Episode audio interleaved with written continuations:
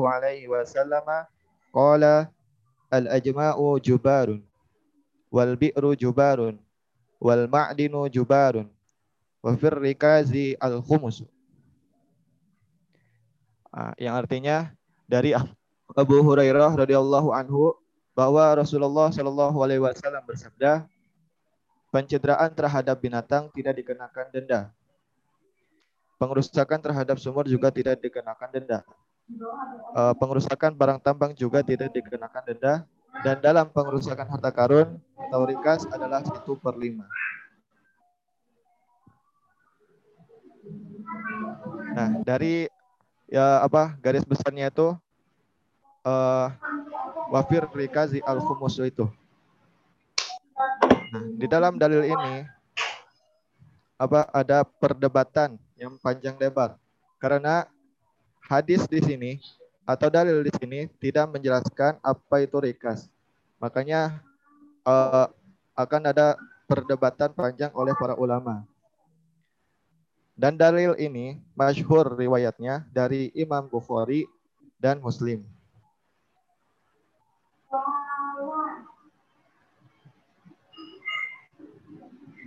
Saya saja ah.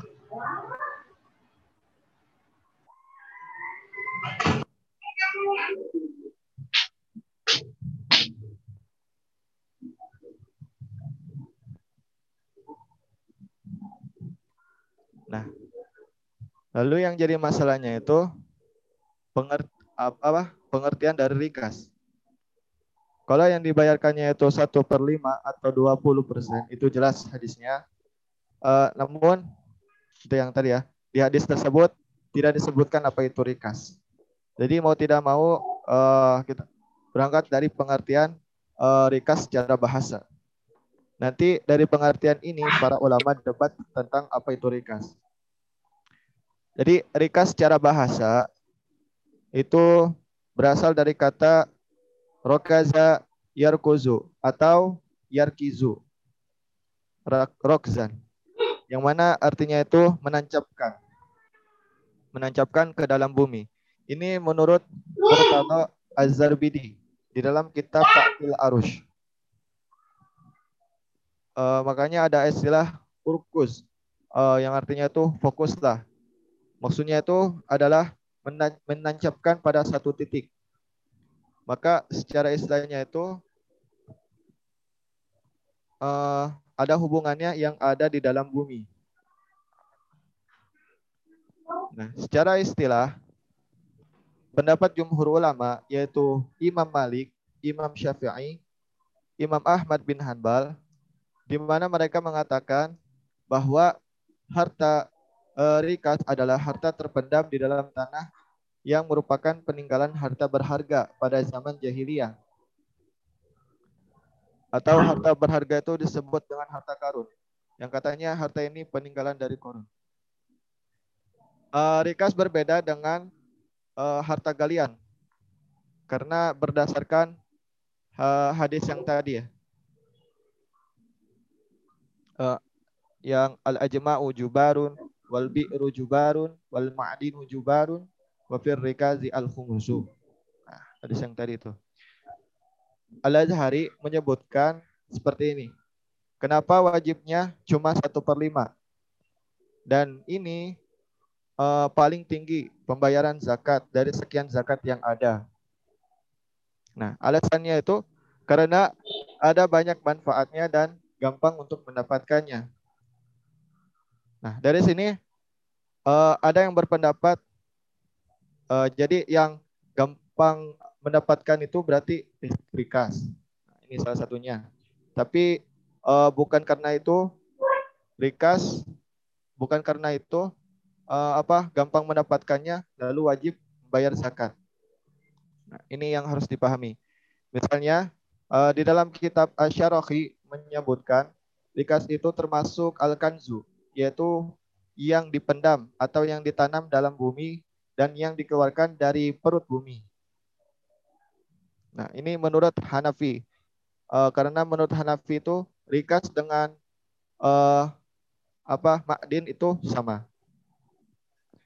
Kemudian uh, dilanjutkan oleh Ahmal.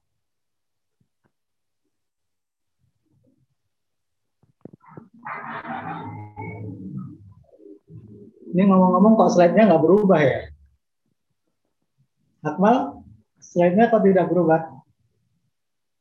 Nah, ini baru berubah. Dari tadi nggak berubah. Apa ada gangguan sedikit. Oke. Okay.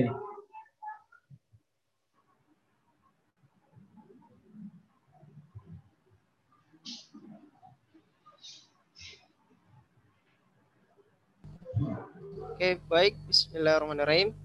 Saya akan melanjutkan apa yang tadi dipresentasikan oleh saudara Badrul Tamam.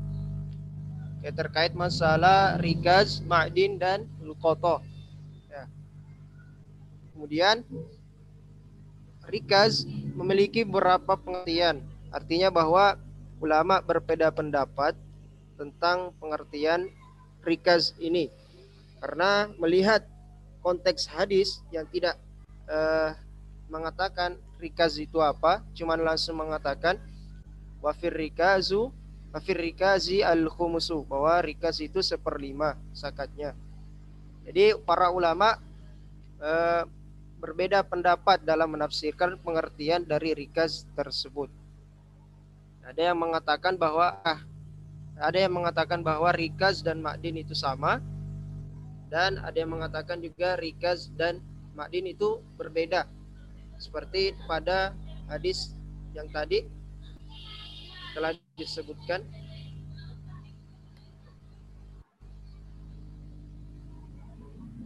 Ini menurut ulama. Tadi seperti pendapat ulama Imam Malik, Imam Syafi'i dan Imam Ahmad di mana mereka mengatakan bahwa Harta rikas adalah harta terpendam di dalam tanah yang merupakan peninggal harta berat pada zaman jahiliyah.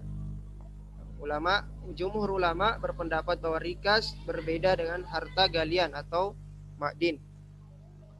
Karena berdasarkan dalil hadis al-ajma'u jubarun wal bi'ru jubarun wal ma'dinu jubarun wa fir rikazil al-khumusu. Ini yang jumhur yang ini dalil yang diambil dari jumhur ulama yang membedakan antara rikaz dan makdin. Kemudian ada pula ulama yang, mengatakan bahwa rikaz dan makdin itu sama, yaitu ulama mazhab Hanafi mengartikan bahwa rikaz sebagai seluruh harta yang terpendam dalam tanah, baik keberadaan harta itu atas kehendak Allah Subhanahu wa taala seperti biji, besi, emas, dan perak, perak maupun yang disimpan manusia zaman dahulu seperti harta karun. Dalam pengertian ini, rikas dan makdin mempunyai arti yang sama. Tidak ada perbedaan antara status harta yang dipendam manusia dan harta yang berupa barang tambang. Artinya bahwa ulama mazhab Hanafi berpendapat bahwa rikas dan makdin itu sama, sejenis. Karena sama-sama diambil dari uh, perut bumi atau dari dalam bumi. Kemudian ada pun ketentuan zakatnya yaitu rikas, rikas nisab. Adapun nisab rikas yaitu ada beberapa uh, ulama berbeda pendapat dalam hal rikas ini. Yaitu rikas mayoritas jumhur ulama mengatakan bahwa rikas itu tidak ada nisabnya. Artinya bahwa sedikit atau banyaknya yang ditemukan itu wajib zakat seperlima atau wajib 20 20 persen. Adapun yang mengatakan yaitu dari Syafi'iyah bahwa rikas ada nisabnya tidak artinya bahwa tidak dikatakan wajib zakat ketika tidak eh, ada atau tidak mencapai nisabnya. Artinya tidak wajib zakat ketika tidak mencapai nisab. Ya, adapun peruntukan dari zakat rikas ini itu ada juga berbeda pendapat ulama juga berbeda pendapat yaitu mayoritas ulama berpendapat bahwa rikas ini diperuntukkan kepada untuk masarifus zakat yaitu artinya bahwa orang-orang yang wajib yang diberi zakat yang delapan golongan tersebut. Ini menurut mayoritas ulama. Mayoritas ulama. Kemudian yang kedua itu diperuntukkan kepada kepentingan umum yaitu Hanafiyah. Ulama Hanafiyah bahwa rikas itu untuk kepentingan umum. Ya, artinya bahwa ulama Hanafiyah ini mengatakan bahwa rikas untuk kepentingan umum karena rikas disamakan dengan gonima. Bedanya yaitu gonima didapatkan dengan jalur perang, sedangkan rikas itu didapatkan karena menggali dari dalam tanah. Tapi sama-sama dari jahiliyah atau kafir, orang kafir. Ini menurut pandangan ulama Hanafiyah.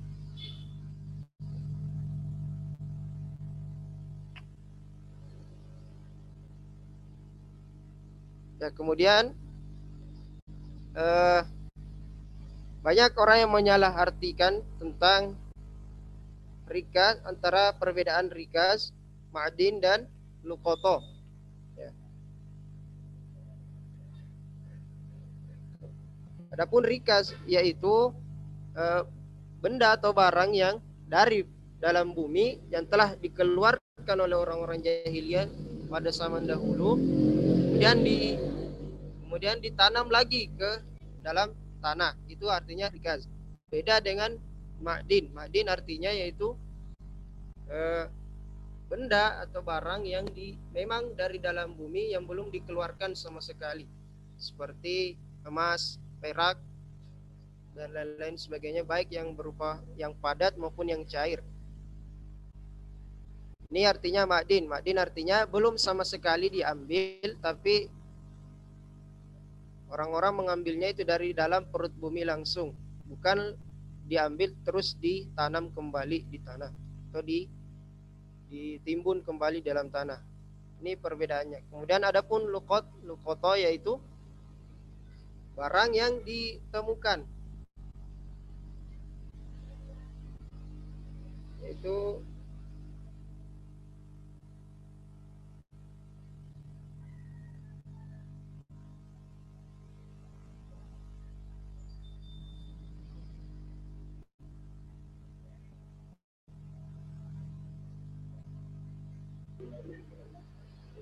Gimana Akmal?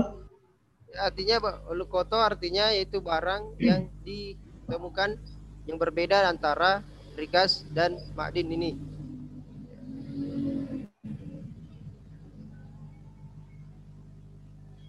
Ya, mungkin sampai di situ saat Baik. Ya, baik Iqmal dengan uh, Akmal dengan Badru ya. Kapan kalian buat materi ini. Apaan Zat? Sebelumnya soalnya saya berdua sama Badru menangkapnya itu apa? Rika judul secara besarnya Rikas doang Zat. Gak tahu kalau Madin dan Bukoto juga kalau nggak salah Ustaz sudah menyampaikan tentang masalah Rikas, kemudian Lukoto dengan Ma'adin tadi sudah Ustaz sampaikan jauh-jauh hari. Betul nggak?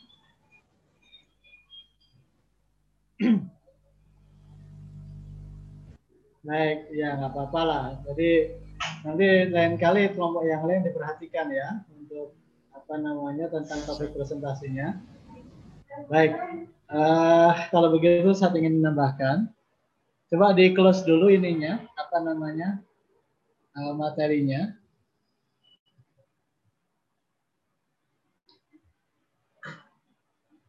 Silakan di close, Akmal.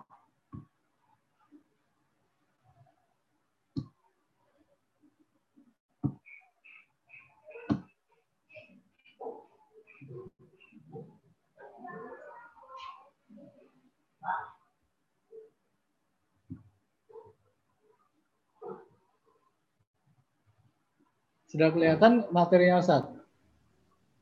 Eh, sudah Ustaz. Sudah Ustaz. Nah ya, baik. Ini tentang uh, fikih zakat, rikas, dan ma'adin dan lukoto.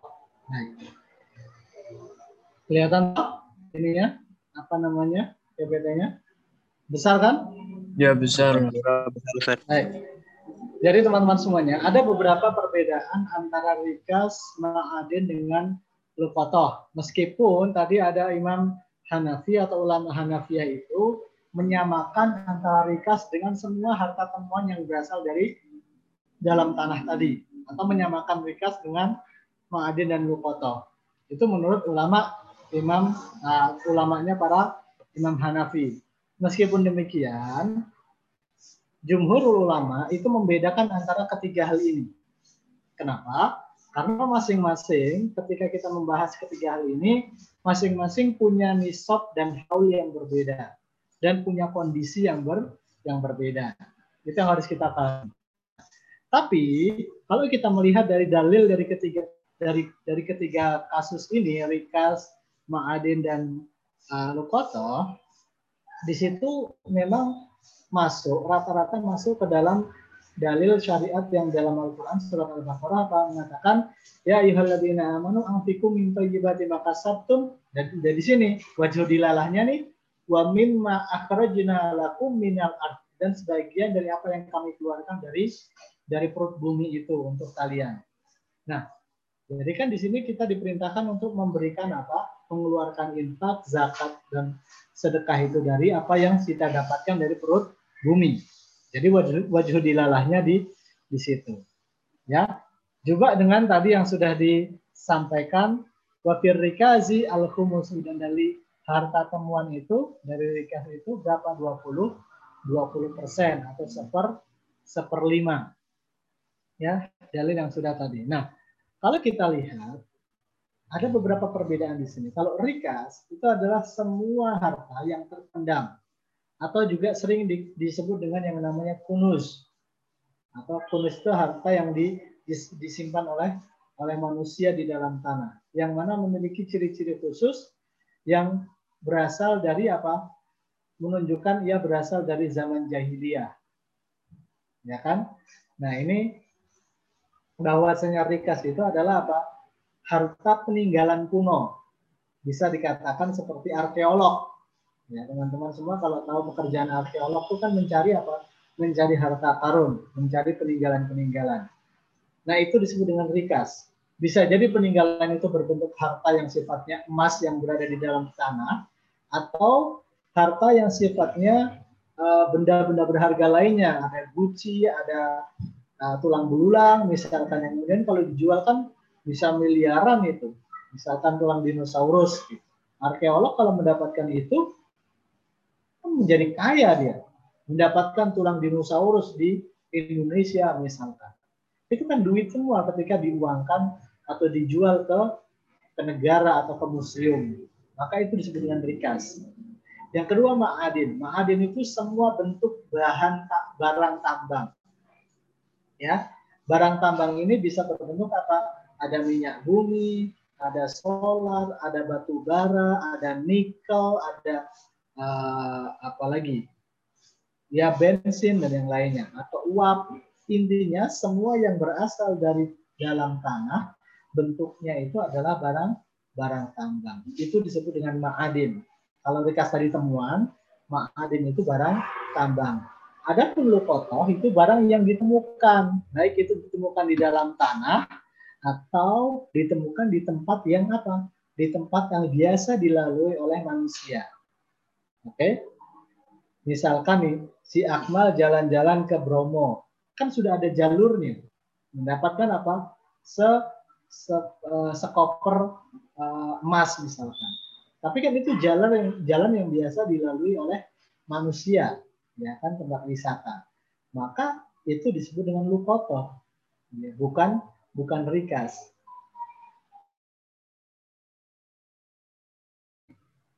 Ya, misalkan Fadil membeli tanah, ya misalkan tanahnya ini di di daerah Kaliurang. Ya. Ketika mau membangun tanah itu mau dijadikan rumah, kan pasti menggali yang namanya apa? Pasti menggali yang namanya pondasi, ya kan Fadil? Ketika menggali pondasi, ternyata dia mendapati se misalkan se, sekoper duit misalkan ya mungkin sekoper itu berarti jumlahnya bisa miliaran gitu. Nah, ini disebut rikas atau lukoto kira-kira. Kira-kira masuk yang mana, Fadil?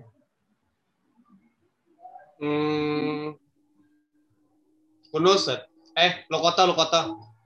Maksudnya apa? Lukot. Kenapa lukot? Karena berpemilik. Siapa pemiliknya? Wong kamu baru gali kok.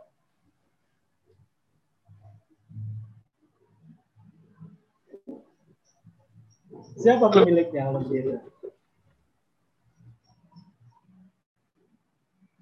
Gimana Pak Dil? Siapa pemiliknya kira-kira? Padahal yang mendapatkan kamu. Orang yang menguburnya Ustaz. Orang yang menguburnya. Lah kalau kita nggak tahu, boleh nggak kamu miliki? Belum tahu Ustaz. Nah, baik. Ini ada memang dalam dalam beberapa pendapat para ulama itu diperdebatkan dalam masalah itu. Ketika kita mendapati sesuatu yang ada di dalam tanah, tapi yang kita dapati itu di tempat yang biasa atau di tempat orang yang berpenghuni. Maksudnya berpenghuni itu di sekitar situ ada penghuninya. Ya, maka bisa jadi orang kan menyimpan benda di situ. Maka dalam hal ini dia dihukumi sebagai lukotoh, bukan rikas. Ya. Sehingga nanti akan kita bahas juga dia mengeluarkan zakat enggak atau bagaimana cara penanganannya. Maka sebenarnya kalau itu dihukum lukotoh, maka si fadil ini wajib mengumumkan kepada masyarakat. Berapa lama? Selama satu tahun itu sendiri. Ya, sebagaimana hadis dalam Imam Bukhari berkenaan dengan lukota ini, kan ya barang siapa mendapati suatu barang yang berada dalam tanah, yang kemudian apa tanah itu biasa dilalui oleh orang lain, maka hendaklah ia mengumumkannya selama satu tahun. Kalau sudah satu tahun, ya itu kembali kepada si penemunya. Apakah kalau dia itu mendapati orang yang mengaku itu sebagai barangnya, maka dikembalikan. Kalau tidak ada orang yang mengaku, maka itu menjadi miliknya. Gitu ya. Ketika menjadi miliknya, maka dia harus mengeluarkan zakatnya berapa? Kembali kepada rikas tadi berapa? Humus. Berapa humus? 20 persen. Ya, 20 persen dari apa yang dia dapatkan. Oke, kita lanjut. Nah, ini rikas. Segala benda mati ciptaan Allah yang ada di dalam perut bumi. Nah, ini kan di sini dikatakan, ini menurut Imam Abu Hanifah tadi, baik berupa barang tambang, emas, perak, tembaga, dan yang lainnya yang merupakan bagian perut bumi itu, ini apa namanya pengertian rikas secara umum. Tapi kan kemudian para ulama membedakan itu sendiri ya antara rikas dengan ma'adin. Jadi tadi sudah disampaikan menurut Abu Hanifah rikab mencakup ma'adin dan bonus. Ya, Imam Syafi'i terbatas hanya peninggalan barang-barang zaman jahiliyah saja, ya berupa emas dan perak. Tapi kalau barang tambang maka masuk ke dalam ma'adin. Itu kata Imam Syafi'i, Imam Malik dan yang lainnya. Ya. Nah, sifat rikas yang wajib dizakati, nah ini tadi yang saya sampaikan, kalau ditemukan di tanah yang tidak pernah dilewati atau misalkan di Amazon gitu ya si Isa ini jalan-jalan ke Amazon ya ke hutan gitu. Dapat apa? Dapat barang berharga emas 5 kilo misalkan. Itu kan nggak nggak berpenghuni gitu ya. Maka dihukumi sebagai rikas langsung menjadi boleh menjadi hak miliknya siapa bisa langsung mengeluarkan 20 persen dari apa yang dia temukan tapi jika ditemukan di tempat yang berpenghuni maka disebut sebagai lukoto Nah, maka dia harus mencari apa? Mencari pemiliknya. Mengumumkannya. Kalau tidak ketemu berarti menjadi miliknya. Ya. Nah, ini tadi saya sampaikan. Sifat rikas wajib zakat. Nah, ini kembali lagi ada beberapa rikas yang ditemukan di dalam peperangan. Ketika orang itu berperang, misalkan ketika perang itu kan kita bisa saja menggali sumur, ya kan? Ketika menggali sumur ternyata apa mereka mendapatkan apa namanya suatu harta temuan katakanlah begitu ya maka itu bisa disebut dengan ghanimah bagian daripada rikas juga sebenarnya tapi juga bisa disebut dengan ghanimah karena akan dibagi untuk siapa? Untuk semua orang yang apa ikut berperang pada waktu itu. Kan disebut sebagai ghanimah nah ini nisabnya tadi ya nisab rikas adalah 20. Ada yang mengatakan eh, tadi sudah disebutkan ya sama pemateri kita, ada yang mengatakan eh, sama dengan emas, gitu ya. Kemudian ada yang mengatakan seper seperlima. Tapi yang yang benar nisabnya adalah berapa? Nisab nisabnya ketika kita berbicara rikas ada nisabnya nggak? Tidak ada nisab. Jadi ketika apa yang dia dapatkan itu yang dia keluarkan sejumlah berapa? 20 persen. Nah, Imam Malik ada ada nisabnya. Nah, adapun haul haul batas waktu rikas ini juga berbeda pendapat ulama. Imam Abu Hanifah tidak mensyaratkan haul, nggak ada haulnya. Ya, maka kalau Imam Abu Hanifah kan tadi mengatakan semua bagian dari minyak bumi, ya kan disebut dengan apa? Disebut dengan rikas, termasuk barang tambang. Maka ketika barang tambang itu sudah disuling atau dilebur ya, atau dibersihkan, maka dia harus mengeluarkan zakat. Itu kan Imam Abu Hanifah. Imam Syafi'i itu ada haulnya dalam rikas. Ya, ini konsep rikas yang mana rikas itu adalah barang tambang. Oke, yang dimaksud di sini adalah barang barang tambang pastinya. Menurut Syafi'i dan Abu Ishaq. Ya, dan hadis Rasulullah mengatakan la zakata fi malin hatta yahul alaihi haul. Tidak ada zakat terhadap harta yang tidak mencapai haulnya yakni satu tahun.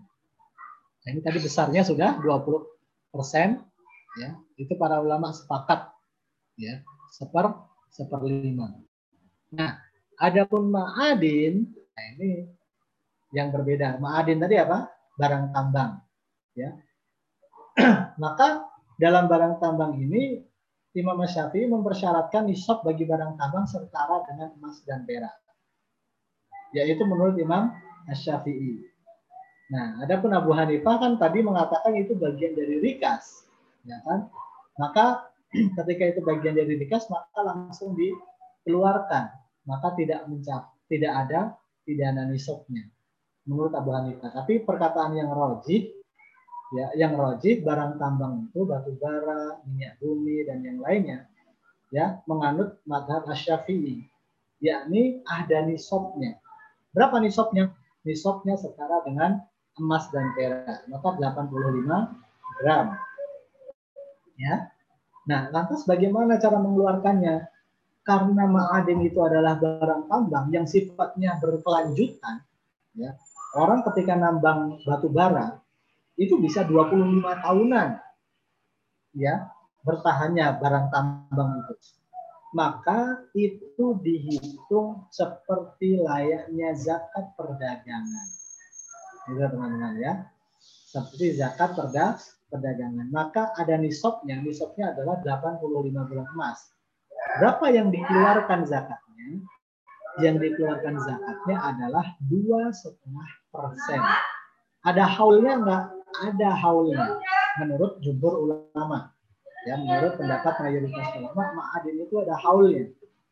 Ya, ini satu tahun itu sendiri haulnya. Semenjak kapan? semenjak barang itu mulai ditambang sampai kemudian apa diperjual belikan. Nah itu sudah satu tahun, gitu kan? Maka dia wajib mengeluarkan zakatnya selama satu tahun tersebut. Berapa? Dua setengah persen saja, karena dihitung seperti zakat perda perdagangan. Ya, saya lanjutkan dulu ya sampai akhir ya. Nah ini tadi sudah Ma'adin kembali Abu Hanifah tidak mensyaratkan haul karena seperti apa? Seperti rikas Imam Syafi'i mengatakan ada haul. Ya, seperti zakat perdagangan. Besarnya ma'adin itu sendiri ya Abu Hanifah 20%. Kenapa 20%? Ya karena kan dia menyamakan dengan rikas gitu ya. Adapun uh, Al-Hiraqi dan Abu Ubaid 2,5%. Sebagaimana Imam Syafi'i dan Malik, oke, okay, jumlahnya juga 20%. Apa dalilnya? Dalilnya dalil daripada hadis riwayat Imam Baihaqi yang mengatakan la zakat fi hajarin. Tidak ada zakat terhadap terhadap batu batu-batuan. Itu kan batu bara kan batu-batuan. Nikel batu-batuan, biji besi batu-batuan. Ya, maka menurut Imam Malik dan Syafi'i, ya mereka tidak ada zakat. Maka zakatnya kembali apa? Kembali kepada barang yang diperda yang diperdagangkan. Ya. Meskipun itu batu, memang itu tidak ada zakatnya dalam batu. Tapi kalau batu itu diperdagangkan, maka akan menjadi apa? Maka akan menjadi investasi. ya. Menjadi barang yang diperjualbelikan. Maka ketika itulah dia mendapatkan apa? Kewajiban zakat. Dan sudah bisa dipastikan orang yang memiliki tambang batu bara pasti orang kaya raya. Betul nggak teman? Betul nggak teman-teman semuanya? Nggak mungkin orang punya tambang batu bara. Tuh si Luhut tuh. Ya kan punya tambang berapa dia? Sudah orang terlanjur kaya lah seperti itu. Maka nggak mungkin dia tidak mengeluarkan zakat. Maka tetap dia harus mengeluarkan zakat dua setengah persen setiap tahun. Nah, baik sampai sini ada pertanyaan dulu nggak? Silakan. Betul.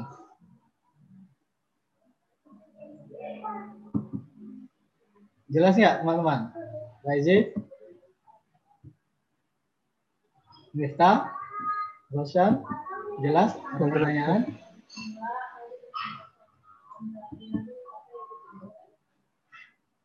Jelas?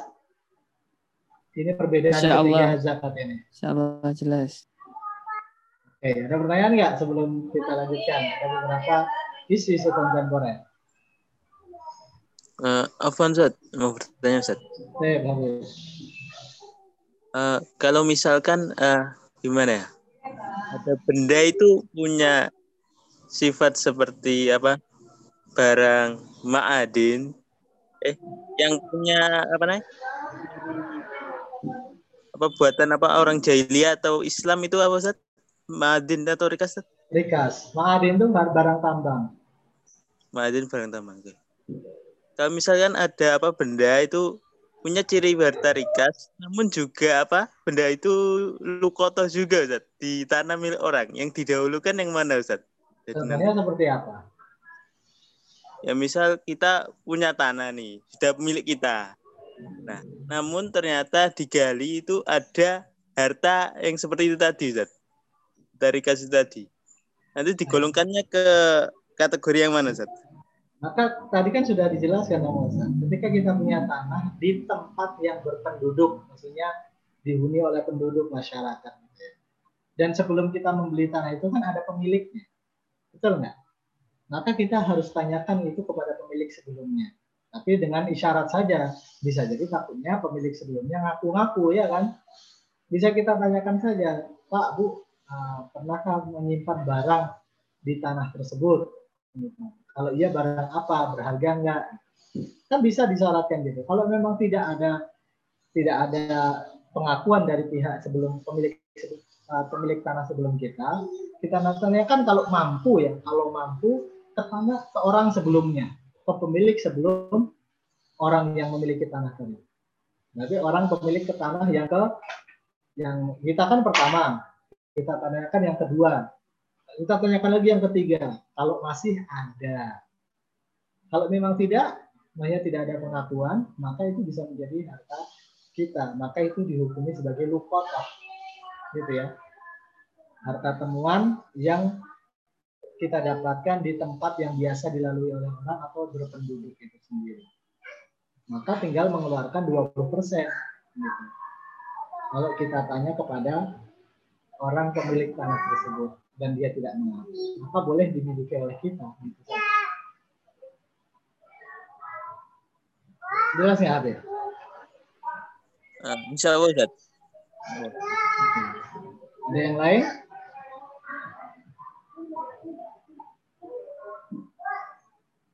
Ini pada online nggak ini? Dimas ada? Zakwan?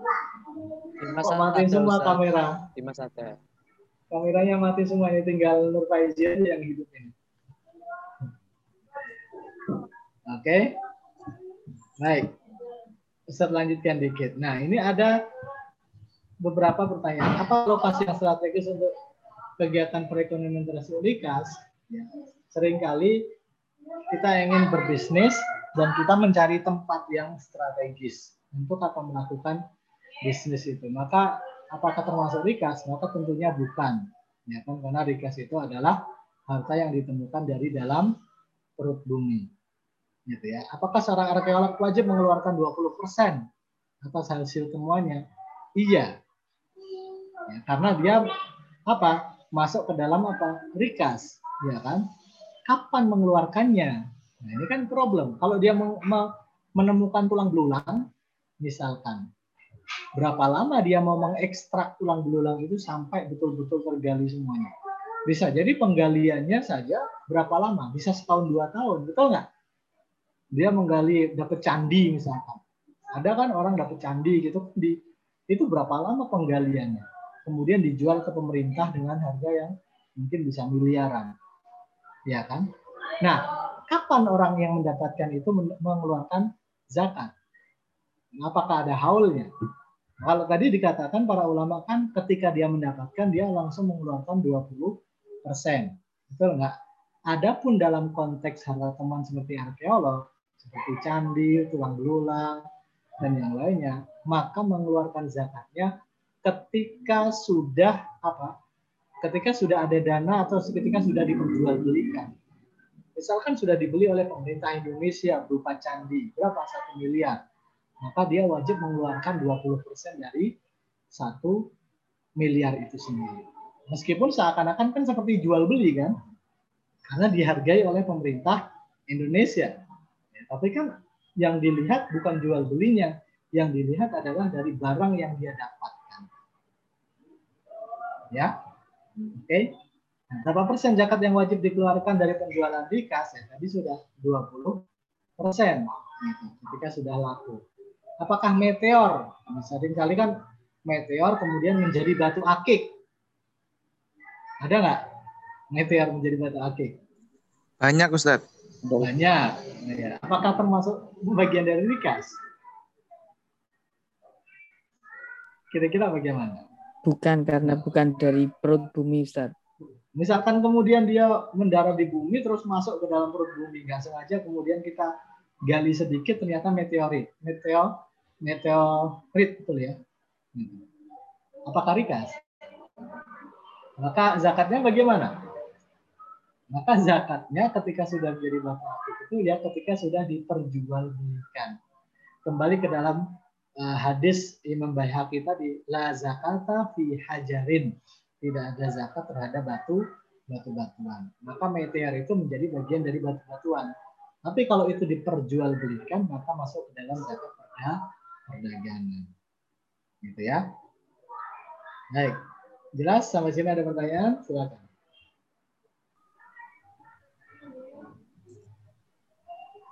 Ada nggak pertanyaan? Kan Ustaz mau bertanya Ustaz. Siap. Baik. Siap. Kalau misal seperti ikan di laut itu apa termasuk rikas yang wajib dizakat Ustaz? Ya jelas bukan lah. Bu jelas sekali itu bukan. Ikan di laut bukan rikas. Karena itu barang apa namanya hewan ya, bukan barang. Itu bagian daripada hewan. Dan apa yang ada di laut itu kan tidak ada hak kepemilikan. Apakah milik siapa nggak bisa? Karena laut itu pada dasarnya bukan bukan milik seseorang, tapi milik umum. Maka tidak bisa dikatakan rikas. Kepemilikannya sudah jelas untuk umum dan itu bukan barang, ya kan? Maka karena itu juga bukan barang, karena itu adalah hewan yang diperdagangkan, maka yang masuk ke dalam zakat perdagangan, bukan masuk ke dalam rikas. Baik, ada yang lain? Eh, saya Ustaz Silakan Zakwan. eh, ingin bertanya tentang lukotoh Ustaz. Oke. Eh, eh, apakah sem- semua lukotoh itu eh, misalkan apakah semua lukotoh yang kita temukan itu harus diumumkan setahun Ustaz? Iya. Eh, Gimana? misalkan eh, harta yang kita temukan itu hanya hanya uang 2000 misalkan ter Ah, apakah wajib eh Baik. ditemukan juga Tentunya, oke, tentunya adalah barang yang berharga ya. Tentunya adalah barang barang yang berharga. Misalkan satu juta itu kan sudah cukup berharga. Tapi kalau cuma 50 ribu, 100 ribu, kemudian kita menemukannya, Ya, silakan kalau mau mengumumkan silakan diumumkan. Atau kalau tidak ya paling aman kita masukkan saja ke kotak infak. Begitu saja. Jelas kalau kita ambil nggak boleh ya kan itu ada pemiliknya. Betul nggak? Misalkan kita dapat di jalan 100 ribu, boleh nggak menjadi ambil itu? Wah lu kotor nih. Boleh nggak kita ambil? Nggak boleh kalau itu barang berharga, 100 ribu berharga. 2000 pun berharga. Ya maka alangkah lebih baiknya kita masukkan ke dalam kotak infak. Itu yang paling aman, gitu ya. Tapi kalau memang itu menjadi barang berharga, bisa di, di apa namanya? Kan wajar ya orang 2000 nggak akan mencari gitu loh. Pegangan 2000 juga akan 50 ribu juga orang mungkin nggak akan mencari 100 ribu juga enggak mungkin cuma sekali muter habis itu ya sudahlah nah itu kembali kepada uruf berarti kan tapi kalau satu juta mungkin lumayan orang berpikir gitu maka itu bisa diumumkan tapi ketika hanya beberapa saja maka bisa kita sedekahkan ya, semoga itu menjadi amal jariah si pemilik barang dan kita menjadi wasilah itu saja ya Tuhan uh, kalau misalkan hartanya itu kayak barusan tuh lima puluh ribu lah, kemudian kita pakai itu dosa gak tuh? Ya dosa orang bukan hak milik kamu. Jelas lah. Itu kan lukoto. Maka syarat lukoto tadi kan harus di harus diumumkan. Kecuali barang yang tidak terpakai. Nah, itu lain cerita. Misalkan nih, ini fatwa dari Syekh uh, Syekh Badar apa uh, ahlul hadis di Madinah itu Syekh Badar itu beliau mengatakan begini ketika itu barang-barang yang sifatnya sudah dibuang ya maka tidak menjadi masalah kita kita miliki tapi kalau barang itu masih memiliki kepemilikan maka tidak boleh di tidak boleh kita ambil dan tidak boleh kita pakai. Apalagi dikonsumsi untuk membeli barang. Nggak boleh. Misalkan dibuang misalkan ya ada sendal gitu. Di tengah jalan cuma satu. Itu berarti kan dibuang ya kan? Kemudian kita pas kebetulan ketika itu punya sandal yang warnanya sama sama-sama biru misalnya. Boleh nggak diambil? Ya boleh-boleh saja karena itu dihukumi seperti barang yang di yang dibuang tapi kalau duit kan itu memiliki nilai ya. tapi kalau barang sendal sepasang nggak punya nilai maka nggak masalah kita ambil karena itu dihukumi apa barang yang yang dibuang bukan dihukumi barang lukoto. Nah, kalau lukoto itu berarti barang temuan yang berharga. Oke, Zakwan?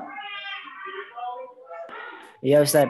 Eh, berarti kalau kita nemu uang 50 ribu di jalan itu bukan rezeki anak yang soleh ya Tad? ya nggak bisa. Orang bukan barang kamu kok bisa bisa dikatakan rezeki anak soleh nggak bisa juga ya karena bukan barang kita ada ada ada kepemilikannya maksudnya oke okay? baik ya saya kira cukup untuk pertemuan kita pada sore hari ini ya mudah-mudahan minggu depan bisa lebih dipersiapkan lagi ya akan membahas tentang masalah zakat profesi masuk di dalamnya di situ adalah zakat persewaan ya zakat profesi dan zakat persewaan masuk ke kelompok selanjutnya. Siapa kelompok selanjutnya? Ayo Ustaz. Kemal sama siapa? Sama Rifki Wanda Ustaz. Sama Rifki, oke. Okay. Baik, dipersiapkan ya Rifki ya. Eh, persewaan dengan profesi. Oke? Okay? Nah, Ustaz. Baik. Baik, saya kira cukup untuk pertemuan kita pada sore hari ini. Mari kita tutup kuliah kita dengan Islam baca hamdalah dan doa kafaratul majelis. Alhamdulillahirobbilalamin. Baik. Assalamualaikum warahmatullahi wabarakatuh.